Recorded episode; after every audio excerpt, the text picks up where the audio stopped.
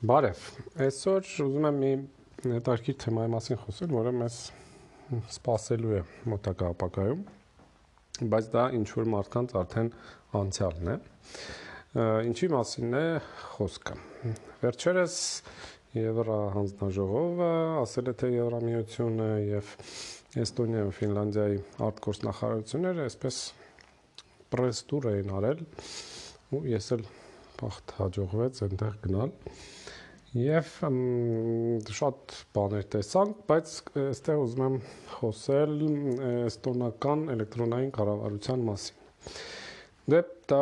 հին թեմա է, որ էստոնացիք արդեն 10-ամյակից ավել է իրենց կառավարությունը թվայնացրել են եւ մարդիկ գրեթե ամեն ինչ անում են էլեկտրոնային ձևով այսինքն կպնում են տնից կամ իրանց ID քարտով կամ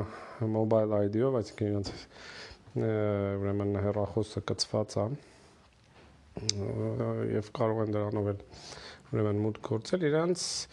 ուրեմն էլեկտրոնային կաբինետ այսպես ասած, որտեղ կարող են գրեթե բոլոր հարցերը լուծել։ Իրականում մենակ մի քանի հարց է, որը էլեկտրոնային ձևով չի լուծվում, դա ամուսնությունն ու բաժանվելն է ու ենթադրում եմ որ մարդիկ պետքա վերջի վերջո մի հատ Երևան իրար դեմք դեմքի նայեն եւ անշարժ գույքի վաճառքը, որովհետեւ կարողա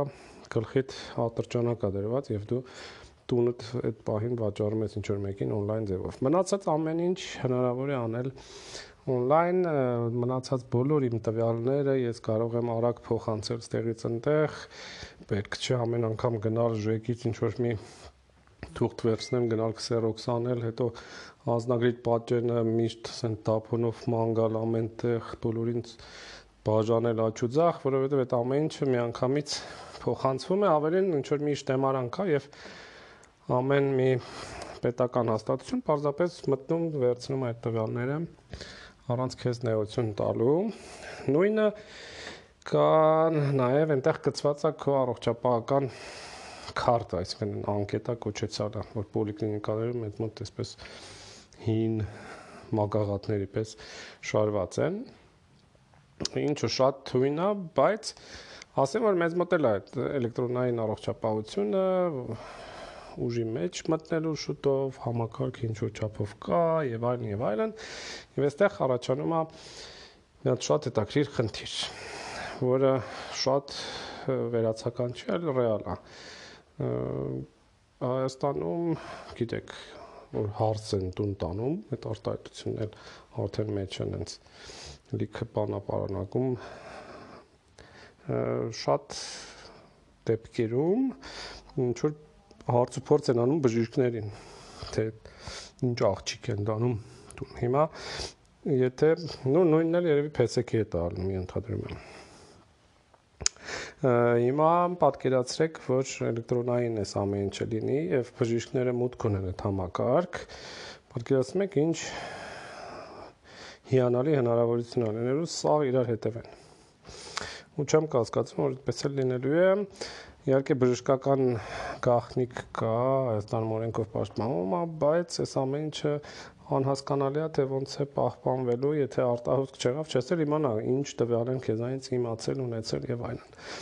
Այ Էստոնիայում այդ հարցը շատ հետաքրքիր ձևով լուծված։ Երբ որ դու մտնում ես քո կաբինետ էլեկտրոնային, այնտեղ կա մի բաժին, որտեղ ամեն անգամ երբ որ ինչ որ մի հաստատություն դիմում է քեզ, ավելի ճիշտ քեզ չի դիմում, քո տվյալների մասին է դիմում, ինչ ասեմ, զին կոմիսարիատը հետաքրքրում է թե ինչ դիպլոմ դու ունես։ Ինքը քեզ չի ասում, ինքը միանգամից տվյալը վերցնում է համալսարանից կամ ինչ որ ապայի հետ կապված, ես ինչ որ մեքենայի տվյալները եւ հասցետ վերցնում է ուրեմն տվյալ կազմակերպությունը, որը ապահովագրություն անում է։ Նույնը բժիշկը կարող է քո բուժող բժիշկը մտնի քո անկետան եւ ստուգի թե նախորդ բժիշկը ինչ է գրել եւ այլն ամեն նման դիմում երևում է իմ մոտ այսինքն երբ որ ես մտնում եմ իմ կաբինետ ես տեսնում եմ որ հաստատությունը եւ ինչ տվյալ է իմ մասին հարցրել եւ երբ դա դրա բացառություն ազգային անվտանգությունն է ազգանալի պատճառներով եւ ոստիկանությունը եթե քրեական գործ կա քո հետ կապված, ինչեվ ուրեմն բացահայտումը, դատարան մտնելը, որպեսի դու չիմանաս, որ քո շուրջ ինչ որ բան ա գնում, այդ ընթացքում փակա, հետո արդեն բացվում է։ Մնացած բոլոր դեպքերում դու տեսնում ես թե ով է դիմել քո տվյալներին ու կոնկրետ օրինակ բերեցին այնտեղ ինչ որ մի կին նախորդ ամուսինը իր նախքին ինչ որ հետը լավ չէր եւ բժիշկ էր գտել ցանոթ, որը մտել էր այս կնոջ անկետան ստուգել էր։ Կինը մտել էր իր կաբինետ, տեսել էր, որ իր անկետայի մեջ մտնող ա եղել, անմիջապես դիմել էր պետական ատյաններին անմիջապես գտել էին թե որ բժիշկն էր մտել իր անկետան առանց իր թույլ տվության եւ այդ բժիշկը անմիջապես հեռացվել էր գործից ու մեծ հավանականությամբ այլևս ոչ միտեղ գործի չէր ընդունվի եւ նմանատիպ եւս մի քանի օրինակ բերվեց ու այդ օրինակները եզակի են որովհետեւ մարդիկ անմիջապես աշխատանքը կորցնում են մյուս օրինակ մի իրավաբանի հետ էր կապված որը մեկ ուրիշ մարդու տվյալներ էր փորձել ստանալ։ Արդյոք մեզ մոտ այնպես բան կլինի։ Կարծում եմ չի լինի, եթե